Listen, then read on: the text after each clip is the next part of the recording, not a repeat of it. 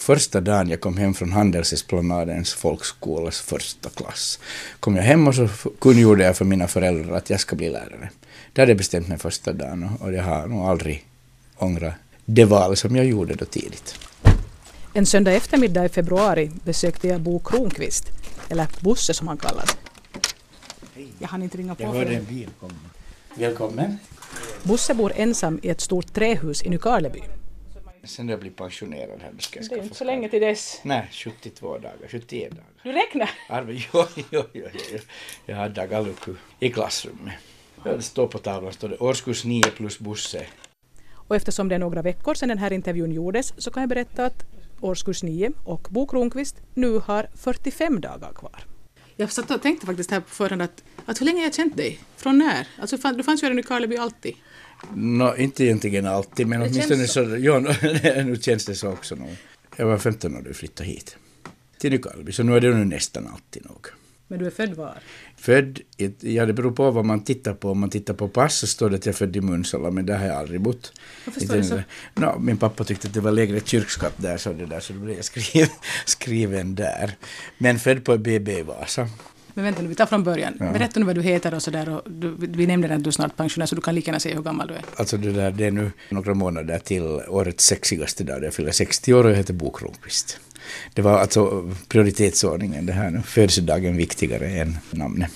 Du verkar höra till de som går och väntar på att bli pensionär. Ja, på, på ett sätt nog. På ett sätt därför att eh, jag stortrivs med mitt arbete. Stortrivs och, och det där. Jag tror nog de flesta som jag arbetar med trivs med mig också. Då, då känns det ganska bra att man går just när det känns bra.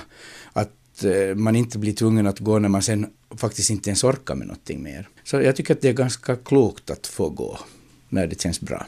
Och det betyder ju att man pensionerar sig från sitt arbete. Sen kommer det ju alla möjliga andra jobb till, antar jag. Du har ju liksom inte gjort dig känd som en person som ligger på latsidan. Du är engagerad i allt möjligt så att jag antar att du kommer att ha mera tid för sånt då. Mm, Det finns väl snart, tycker ju en del människor, det finns väl knappt någonting som jag inte är med i och det kanske irriterar en del det också. Och det där, jag är faktiskt inte ens rädd för att vara med. Jag tycker om att vara med mycket. Och jag vill ha det så här. Det är, det är ju ett självvalt.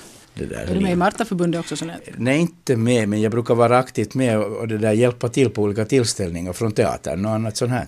Kvinnoförbundet däremot, det är jag nog medlem i. Jag är intresserad av jämställdhetsfrågor och sånt här och därför tycker jag att det är ganska självklart. Ingen tycker jag ska få rätt att ha monopol på det ena eller det andra.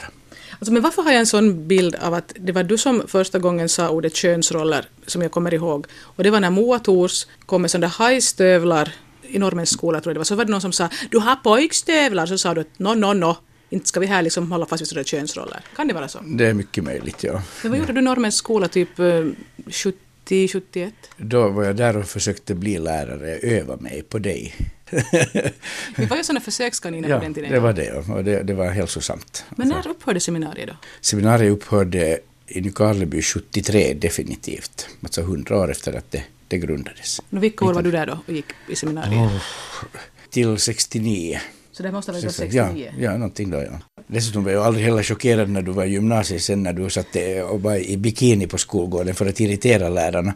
Det var inte bara jag, vi, Nej, var, det- vi var nog flera och det, Det var för att det. det var så himla varm maj det där Det året. det. Jo, jo, alltså det störde inte mig alls. Det Och det, störde det någon då? Helt säkert, helt säkert. Men det, så är det ju med alltid. Men det var också ganska radikalt för att eh, det är ju en tid sedan. Det där var ju 70-tal. Mm.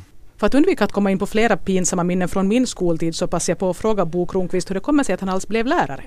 Nej, faktiskt så det där bestämde jag mig nog första dagen jag kom hem från Handelsesplanadens folkskolas första klass. Kom jag hem och så kungjorde jag för mina föräldrar att jag ska bli lärare. Och jag har nog aldrig ångrat det val som jag gjorde då tidigt. Vad var det som du tyckte var så himla bra med att vara lärare när du redan Jag var i den åldern? jag, jag vet inte, på något sätt egentligen är det ganska underligt för jag har alltid varit en jättedålig elev. Alltså lat, aldrig egentligen klarat mig bra i några ämnen. Fyror var mycket vanliga på betyg och sånt här, vilket ju var förbjudet men ändå så överlevde man. Jag vet inte, det Men har du lärare i släkten och sådär då? egentligen inte. Nej, så det därifrån nej, heller? nej. Utan det var nog någonting i det där, i det där sammanhanget med kring tusen elever och, och ändå någon slags ordning kanske på en tillvaro där. Men jag hade ju ingen aning om vad det, vad det gick ut på förstås då, men att det var någonting som, som gjorde att jag, jag sa det första dagen. Och hann du någon gång börja liksom ha några andra planer emellan eller var det, stod du fast vid det där Jo, genom hela din ja, egen skoltid? Alltså jag har nog haft, stått fast vid det, men att studievägledare av olika grad har haft andra åsikter om mina möjligheter då jag tittar på testresultat och mina betyg och det där och då har de nu tvekat nog. Okej, men du, det här, gick du i skolan till slut då i Vasa eller var? Nej, här i Nykarleby sen. du flyttade hit. ja, som- ja. Vad var det som gjorde att ni flyttade hit? Då? Min pappa fick arbete här till vår stora fasa och förskräckelse. Vi hade nu hoppats att han skulle flytta till Kristinestad där det åtminstone fanns ett rådhus, men det blev Nykarleby och det var nog säkert meningen. Vad var din pappa då? Min pappa var polismästare. Kriminell bakgrund med andra ord. Mm. Var det liksom en stor chock att komma till Nykarleby då? No, nu var det ganska stor chock. Jag var den enda som hade slips av eleverna till exempel i skolan. Och, och, Hade man det i Vasa? Ja, jag hade. och nu fanns det andra som hade. Jag, jag förstår ju inte att ha obehag, men att antagligen så var det kanske inte riktigt så där riktigt trevligt att komma och inte kunna någon dialekt eh, till Nykarleby. För att det var ju enda som trodde att man eh, låtsades vara någonting ända tills man kom underfund med varandra. Och det gick ganska snabbt. Det var väl två, tre dagar så var det där över, liksom den här barriären. De förstod att du kunde inte. Jag kunde inte och jag försökte faktiskt, men då trodde de att jag var från Vörå och då gav jag upp. Så du försökte aldrig liksom lära dig det här tungomålet här då sådär som ditt eget? Inte att tala, nej. nej, nej. Behöver man ju. Nej, man behöver inte. Ja, det, det går otroligt bra ändå. Men det är självklart att man förstår. Var det någon gång i början som du hade problem när folk sa någonting och det du faktiskt inte förstod vad de menade? Det var det nog. Jag kommer ihåg att mina föräldrar skickade mig till blomsterhandeln en gång och, och köpa blommor alldeles första dagarna.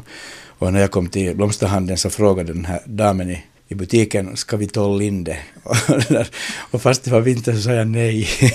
För jag, jag, jag trodde att tolla in betydde att skrynkla ihop blommorna på något sätt och jag kunde inte förstå hur man kunde vara hur man kunde göra något sånt, så det, det var lite ett missförstånd. Men Vad hände med blommorna? de dog. Ja, nu vet du att, vad betyder vet toll jag. in. Ja, nu har jag packat in det så det var inte så farligt. Men det lät värre än vad det var. Men du blev inte mobbad för att du talar högsvenska? Nej, det tror jag faktiskt aldrig. Nej, det tror jag inte. Att man, Du tror inte? nej, nej, men inte på det sättet så att man ska bli mobbad, utan det fanns sådana som kanske hade ett litet avstånd till för att man pratar eh, samma tungomål. Men, men inte mobbad, nej. Jag försöker få den här kronologin här. Alltså, du, får du bort oss från Nykarleby emellan eller började du genast på seminariet här efter att du hade gått samskolan? Genast här, genast här, då var det totalt ja, samskolan och sen det där till seminariet. Det var som ett naturligt steg eftersom jag redan hade bestämt mig för att jag skulle bli lärare. Och det var ganska skönt att bo hemma. Sen eh, genast efter det att jag var färdig med studierna där så, så fortsatte jag sen i Åbo på akademin och, och det där och sen i militären och, och sen tillbaka. Först till Petalax och sen till Nykarleby. Men alltså, man blev ju färdig lärare här, alltså det, Ja. men det var ju före den här alla reformer och allt sånt Ja. här. Så vad gjorde du i Åbo då? Därför att jag hade aldrig tänkt bli lågstadielärare, utan det var enbart lärare och jag ville nog faktiskt vara just på högstadieåldern, där jag sen också har arbetat. Då fortsatte jag att studera finska och historia i Åbo. Var det också självklara val att det var just de ämnena du ville ha? Jag ville ha samma som Topelius och det där, så, samma kombination och, och det där och, och så blev det. Var du liksom en stor Topelius-fan då, när du var yngre? Det, knappast, utan det, det blev nog bara med, med tiden. Att på något sätt så, nu är det kanske den här luften är lite belastad av Topeli-tid i Nykarleby på ett positivt sätt. Nu var det väl kanske mer så att det var slumpen som gjorde det och sen blev det en aha-upplevelse då man märkte att han också hade historia och, och finska som Så det låter bra när man kan säga att det, det var låter, samma. det låter jättebra, ja. Topelius ler säkert i sin himmel. När kom du tillbaka hit till Nykarleby sen då? Och började jobba här? Efter det att jag hade askulterat, så det blir då eh, 1978. Det var samma år som jag gick sista året här, ja. Mm. Så då var det här liksom så gott som hela tiden? Nå, egentligen nog hela tiden. Nykarleby har varit en väldigt bra bas ända sedan vi flyttade hit. Jag tänkte på det här för att jag menar, du rör ju på dig mycket. Varje gång man ser dig är du på väg någonstans, antingen utomlands eller till södra Finland eller någonstans är du på väg liksom. Men eh, du har ändå liksom inte fått, som vi säger här, pittriga av det här småstadslivet. Nej, det har jag nog inte. Det är ganska bekvämt och ganska skönt och, och ganska tryggt också det där. För, för människor som har tummen mitt i hand så det är ganska bra att bo på en ort där man kommer med bilen till servicestationen och ber dem kolla någonting och det, det är ingen av dem som ens tvekar att de ska gå ut och sköta det för de vet att jag inte kan det. Eller om jag behöver någon hjälp in i huset eller flaggstången står snett eller någonting annat efter någon hård vind. Så det är alltid någon som kommer och hjälper en. För alla vet att jag inte kan. Så du har liksom tagit på dig den här rollen av den här icke-typiska österbottniska mannen som faktiskt inte liksom fixar bilen själv och inte bygger sitt hus själv. Ja, jag tycker att det är ganska viktigt att jag är för ett servicesamhälle och ett servicesamhälle kan enbart finnas kvar så länge människor använder sig av servicen. Men om alla ska göra allting själv så, då, så märker man det först när det är för sent. Jag har nog inte åtminstone hjälpt till att ta bort servicen. Och sen ska man göra sånt som man är bra på och, det där, och jag är inte bra på det. Vilka saker är du speciellt bra på då? Ja, inte vet jag om jag är riktigt bra på någonting inte, men att, jag tror nog att jag är en ganska hyfsad lärare. Det tror jag. Och historia som är mitt uh, huvudämne, fast jag inte undervisar i det, så är jag också ganska bra på. Åtminstone att se sammanhang och sånt här, det tror jag att jag är hyfsat bra på. Ja, när man tittar omkring sig i ditt rum så ser man ju att du nog, om inte det här bara är bluff alla de här böckerna, att du har här för att det ska se bra ut och vara en inredningsdetalj, så tycks du nog försöka skaffa sammanhang genom att uh, läsa allt möjligt. Allt möjligt, allt möjligt, ja. Gör du dig av med böcker alls eller samlar Nej. du på hög?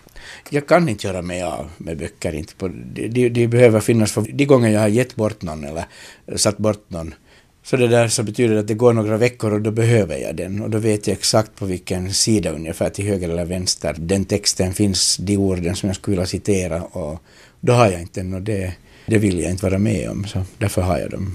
Du har ett ganska stort hus fullt med böcker och allt möjligt här. Har du bott länge just i det här huset? Jag har bott uh, 15 år i det här huset efter att jag flyttade från Kuddnäs. Så på det sättet finns ju Topelius där också. Under en 14-årsperiod av mitt liv. Du bodde 14 år där på Kuddnäs? 14 år, ja. Och sen har jag bott lite längre, ett år längre nu här. Det är väl ingen vits att fråga, att kommer du att flytta bort när du slutar jobba då? Eh, knappast. Det, det, det, var en som förklarade så hade hon sitt eviga hem i Hyvinge. Och på något sätt är det här kanske mitt eviga hem, det här i Nykarleby någonstans. Men eh, det är klart att jag kommer att vara borta eh, både här och där. Som det, som det nu hela mitt liv har varit. Att man är på väg. Men att det är ändå ganska bra att ha en, en bas. Du hade ju länge en sån där liten mm, ljus hund, eller det var inte en. Vi har tre mopsar i min familj, alltså kring 13 år, så det blir ju där då nästan då nästan 40 år av mops i vårt liv. är mops-eran slut nu då? Mops-eran är slut just nu i alla fall, för att jag är så lite hemma och man kan, man kan inte ta en hund om man inte är hemma för att den först får vänja sig och lära sig. Och den, de ska läras från början ordentligt och det kräver ganska mycket tid. Är det ett val för att du ska kunna ha mera frihet nu när du blir pensionär, då att du inte skaffar någon ny mops? Eh, det är nog kanske eh, ett val för hundens skull. Att, att jag tycker att det skulle vara väldigt snyggt att ha en hund som går vid en sida sådant och sitter utanför butiken och väntar på en. Så här som de alltid har gjort, men, men det där, det skulle vara orättvist mot hunden. Bara för att det skulle se bra ut. Man måste nog ha tid för ett djur om man ska ha ett djur. Det är nog så. Har du liksom alltid levt ensam? Nu har jag det nog, ja. Det har jag nog. Är det något du rekommenderar? Jag tror att var, varje människa bestämmer nog det där ganska mycket själv i olika skeden av ens liv. Liksom att det blir bara så. Man kan styra vissa saker men jag tror inte man styr det utan det, det, det är för lätt att säga att, att, att man kan bara välja utan det, det, det blir så. Så det kan hända att i visst skede så börjar man bli så van att ha det på ett visst sätt så man skulle inte börja ändra på det fast vad skulle vara. Ja, alltså i så fall ska det nog vara, jag har någon gång sagt att det där att det gärna skulle slå till men då skulle jag vilja ha en änka med 700 hektar, alltså sådär så att jag inte skulle behöva göra så mycket själv, utan det där, det ska nog vara ett så stort hushåll så att, att änkan kan bo i ena änden och jag andra änden, men att, att det skulle gå bra. Så om någon sån råkar höra det här, ska de då ta kontakt? Det går säkert bra, ja. Nej, för jag nämnde det bara här liksom när jag skulle hit och tänkte att så, så, vet du, har Bosse någon gång sällskap? Så, ja, men hade inte han någon gång det där med det där? Så jag minns inte något sånt. Ja, ja no, men det är två skilda saker, men att leva ensam så är en annan sak. Jo, jo men, men, ja, men det, det är så fall så länge som du inte ens minns liksom, att du ska ha sällskap, alltså man ska ha vetat det. Nej, som man vet, ja, men det är en helt annan sak. Allt behöver man inte veta, men det kan ju hända att folk vet mer än vad man själv vet ibland. Jo, för det det i, i småstäder så räcker det att man hänger mycket med någon människa så sällskapar ja, man ju. precis. Och så går det ett rykte som blir sen en sanning som blir en, en dubbelsanning när det kommer till följande. Men, men det stör inte mig inte och det har aldrig stört mig. Jag tänkte på det här just med, med småstadsliv, liksom, för jag menar, du är ju liksom en figur här i Nykarleby, man vet att där är Bosse. Mm. Att du har funnits här och man väntar inte sig att du ska ligga under en bil och med såna skitiga kläder och sånt mm. som många karlar nu gör här i trakten. Och ingen väntar sig kanske heller just då att du ska göra sådana andra typiska saker som man gör. Jag kommer tillbaka till det med könsroller du märker. Ja. Att du har tydligen alltid liksom då valt en annan väg som är ganska ovanlig i Österbotten på det sättet. Mm. No, det, vi är nog uppfostrade till det kan vi väl säga, att, att mycket av det som, som man blir till vad det gäller just den delen av en människa, så det formas, ju nog av, formas man ju nog av sina föräldrar och deras, deras åsikter om man vill eller inte. Det där. Nu vet jag att när vi var barn att det var många som tyckte att det var konstigt att ha en pappa som det där som städar, dammar mattor och sånt här, att hängde upp tvätt och i den där stilen men att, att det, det störde inte vår far och inte hade stört oss heller inte. Så att indirekt, fast det kanske aldrig uttalades att det var som en självklar sak. Eh, könsrollsmässigt så måste man ju, att, att det där att, att eh, mannen skulle vara den starkare, mer begåvade har ju aldrig gått hem eftersom min syster alltid kom hem med sina tior och vi andra med våra fyror. Så, så, inte ens den myten kunde Den myten gick inte att uh, hålla i liv, inte fast var, jag tror inte att någon av oss skulle orka anstränga oss för att få den att hållas vid liv. Nej. Nej, men jag tänkte också på det då, då när jag växte upp här i Nykarleby så fanns det ju liksom vissa personer som gick mot mönstret. Eh, det fanns mammor till mina klasskamrater då som eh, gjorde sånt som min pappa gjorde, gick på en massa mm. sammanträden och möten och politiskt mm. engagerade och sånt. Mm. Och pappor som då mera pynger där hemma och sånt. Så man, jag tror det är bra att man nog som barn får se att det finns av alla sorter, då är man inte lika låst i det här. Också om man hemifrån kanske har ganska traditionella modeller så kanske man ser att hej men det inte det är helt sant. Det, det bekymrar ju en lite på det sättet just den här, den här tanken därför att det finns eh, så många barn idag som växer upp som ser bara den ena rollen på grund av skilsmässor och annat sånt här som säkert är riktiga och, och rätt tid just i det.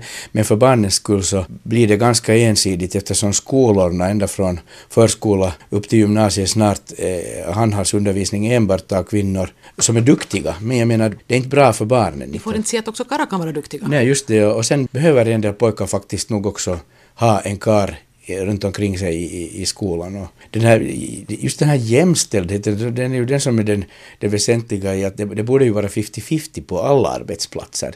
Inom sjukvården, inom skolan och sånt att det skulle vara världens självklaraste sak och så är det ju inte. Men det är aldrig bra om det bara blir liksom den ena gruppen som har att strävan är ju i alla fall att det ska vara möjligt för alla. Man kan ju inte tvinga och lotta ut det, det är absolut inte det jag talar om, men någonstans är det som det inte går riktigt rätt eftersom det blir på det här sättet. Och då måste man ju säga att nu har det ju ändrat massor till det bättre under en, eh, slutet av hela 1900-talet och 2000-talets början. Att allting är ju inte bra, men eh, det, det, betyder ju inte att man ska låta sig nedslås av det. Det resultat som har uppnåtts är ändå goda. Du kommer bli pensionär nu då snart och du har hunnit vara med om en massa olika saker. Vad är det viktigaste du har lärt dig liksom av livet hittills? Jag vet inte, alltså den här, kanske just en sån där insikt om att, att eh, man som människa, livet är ju ganska kort. Det finns massor med olika optioner och, och möjligheter på, allt möjligt sånt här. Men eh, det där att man är, ska vara ganska nöjd med det som man själv gör och inte hela tiden drömma om någonting annat utan att vardagen är väldigt bra om man råkar ha en vardag som man trivs med. Men det finns ju folk också som har en vardag som de verkligen inte de liksom bara klagar och klagar och klagar och då blir jag liksom till sist att nej men gör någonting åt det då. Ja, det, så är det. Man träffar ju alltid människor från olika yrkesgrupper i samhället och, och det är ju alltid någon annan som har det mycket bättre och, och, och just det här klagandet så de, de för ju ingenting framåt. Det, det, hjälper ingenting utan man måste faktiskt också själv ha så mycket kurage att man tar sig själv i, i, i kragen och, och byter då. Det är ju bara att byta jobb om man tycker att man vill. Och då är det vanligtvis det är ju det man är avundsjuk på, det är lönen hos andra. Alla andra har ju mycket bättre lön än vad man själv, men eh, lönen är ju faktiskt inte det allra viktigaste och pengarna är absolut inte det viktigaste. Det, det märker man till exempel just i en skolsituation att elevernas krav fast det är outtalat, men som ändå finns där, är att de ska ha en lärare som de kan lita på, att behärska det ämnet så att de kan gå vidare. Omgivningen, apparaturen, det är sen sekundärt. Men om man har e-, ett utrymme fyllt med all apparatur som, som det där dagens samhälle kan bjuda på, men inte en lärare som de kan lita på att, att behärska det och, och för, förstår sig på dem, så då, då är det bortkastade pengar det viktigaste är nog eh, det som finns mellan öronen på, på oss människor, inte, inte det här det yttre. Men jag tänker ju själv också när jag då som elev att de lärare som har påverkat mig mest är sådana som man vet att, eller man har känt att de har tyckt om sitt ämne, de har trivts med sitt jobb, mm. att de har samtidigt kunnat förmedla någonting som andra kanske då inte har kunnat, därför att de har mera mekaniskt bara undervisat någonting som de inte brann för. Det är ju samma sak när man går in på en restaurang och det kommer in en servitris och du, du ser på den servitrisen att hon älskar sitt arbete, att hon är stolt över sin profession och, och, och det, det, är ju ett trevligt ställe. Går man in till en läkare som, som inte egentligen alls vill vara läkare så inte, inte litar man ju IQ på den personen. Det, det har ingen betydelse vilket yrke det är utan bara man är stolt över sitt eget arbete och gör det man trivs med så smittar det nog av sig och det där. Och yrkesstoltheten ska få synas på människor.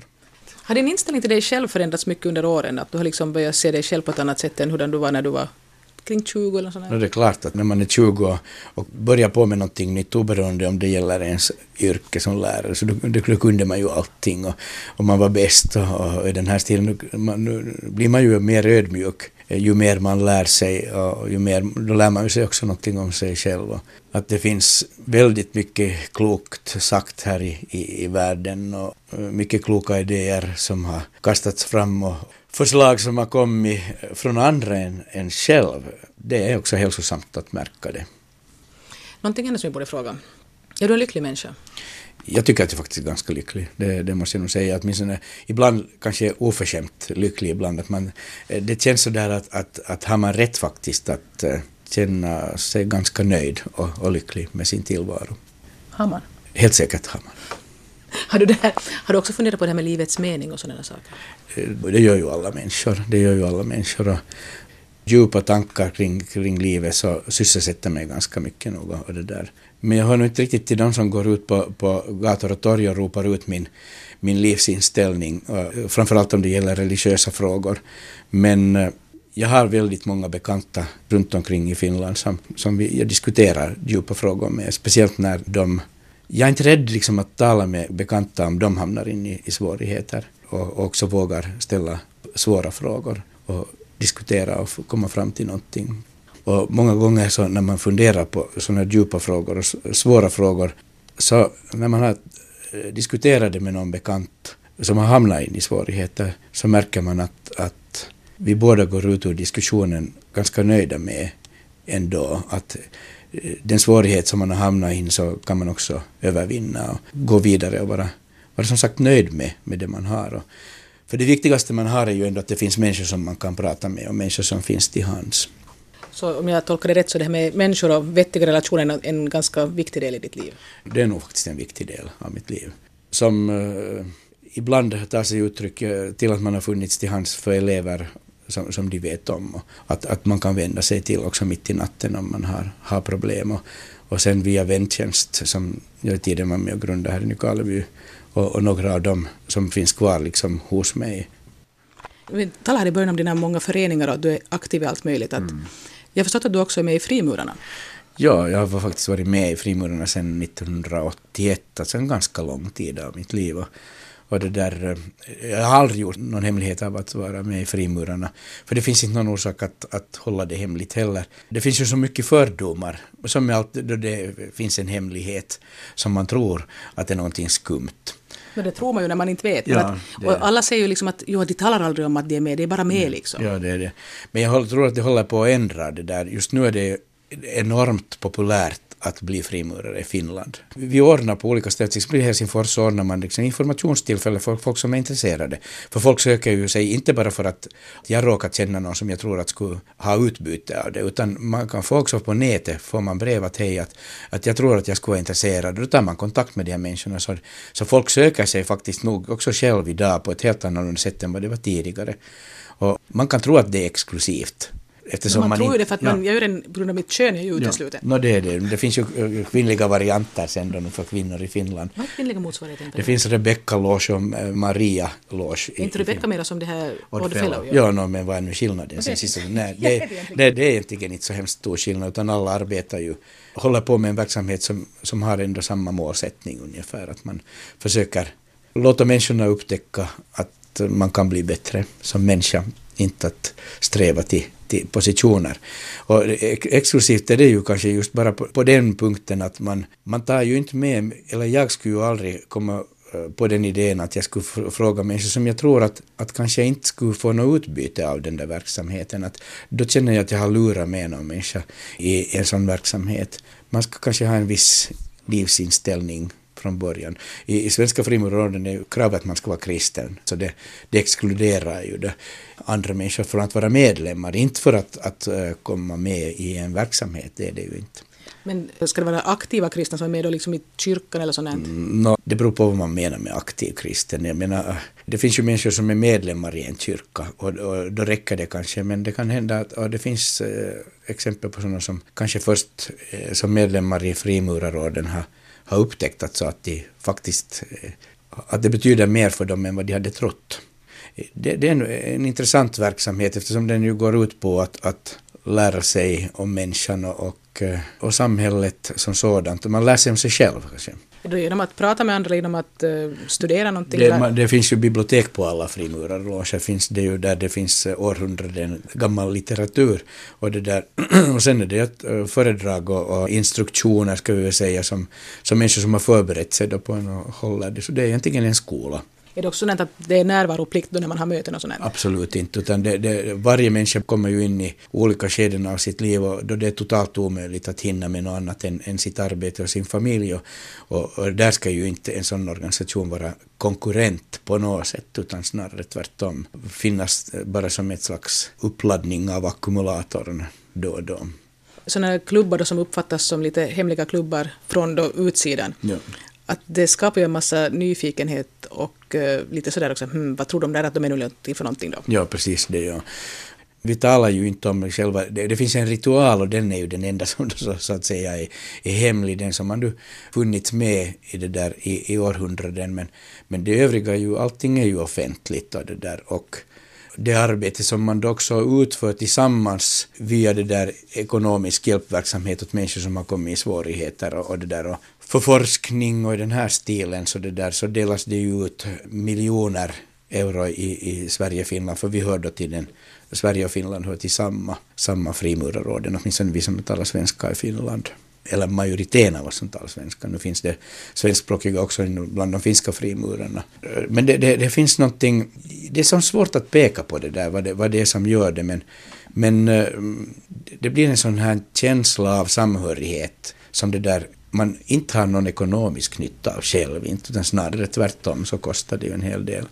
Men ju snabbare ekorrhjulet går i Finland, desto större behov märker man att det finns av människor som också har verkligt viktiga uppgifter i samhället, att också hitta någonting annat där, där så att säga tiden står stilla, att man får komma underfund med sig själv och, och i, i tystnad ungefär då, ha tystnaden som ett arbetsredskap. Jag menar, på det sättet påminner det ju väldigt mycket också om att människor åker till Indien för att, att där i all tysthet komma underfund med sig själva. Vi kan göra det, men under vissa former förstås hos oss också. Men det, det, är väl just det här kanske då du sa att folk nu tar kontakt och vill bli med. Kan det ja. vara just det samma du menar att man söker någonstans där man får lite utveckla andra sidor av sig själv? Precis det. Det finns ett behov av att det finns något ställe där man får, kanske inte svar på frågorna, men man får ställa frågorna. Ofta är ju redan den ställda frågan viktigare än själva svaret. Jag måste säga att jag trivs väldigt bra med den verksamheten och vi har alla yrken och samhällsklasser och, och åldrar så det där ändå har någonting gemensamt. Att det nu råkar vara män, så det beror ju enbart på historia och det kanske kan vara bra att, att män har någon egen sandlåda och kvinnor sin sandlåda och det finns ett behov av det. Att man får hållas där bland likasinnade i det avseendet? Ja, likasinnade i det avseendet. Det låter, hur man än vrider och vänder så låter det kanske lite fel i en del öron, för om man vill hitta fel så hittar man ju fel i allting. Men jag tycker att det är värdefullt och med, med, med kännedom om hur många som nu önskar bli medlemmar, till exempel i Svensk Finland. Så. Men har det någonting att göra med att man tycker att, att det är liksom en bra grupp att känna, för det är folk som har, många som har inflytande i samhället? Det... Där kan man nog gå på en nit i så fall, om man tror att man har nytta av det. Det finns människor som har gått med på grund av det, men de har nog hastigt också slutat. Jag har märkt att det inte funkar på det sättet? Då. Det funkar inte på det sättet, nej. Nej, men det är ju ofta ja. så att människor funkar så att de man känner så ja. de vet att man finns och när det kanske är någon som söker ett jobb så är det någon som man, den här, den här namnet känner jag igen från den här samma klubben, att men ja. vi tar honom istället för den andra som kanske är lika bra. Uh, det, kan, det kan hända, det kan, men då, då är det ju på samma nivå som att man hör till, till den eller den uh, Martaföreningen eller till den jaktklubben och sånt här. Att, sånt finns ju alltid sådana nätverk i samhället men men det, det, finns, det är helt klart att under historiens lopp har det funnits människor som har trott att, att uh, blir du medlem i Frimurarråden så har du en större möjlighet till karriär i samhället. Men där har man nog gått på en nit och de slutar vanligtvis ganska snabbt också som medlemmar. Att det var inte riktigt det som de hade trott att det var. Och som kvinna kommer då aldrig att ha en aning om vad er hemlighet egentligen är. No, hemligheten, hemligheten ska jag nu säga bara så här åt dig, oss emellan, som nu när ingen annan hör, att det inte finns någon hemlighet. Då tog du bort den myten också. Och det var först senare, när jag lyssnade igenom vad Bo Kronqvist och jag hade pratat, som jag kom på att inte fick jag ju veta någonting om den här ritualen som han nämnde. Den där som frimurarna aldrig avslöjar. Så någon hemlighet finns det i alla fall. Tack ska du ha. Hej då.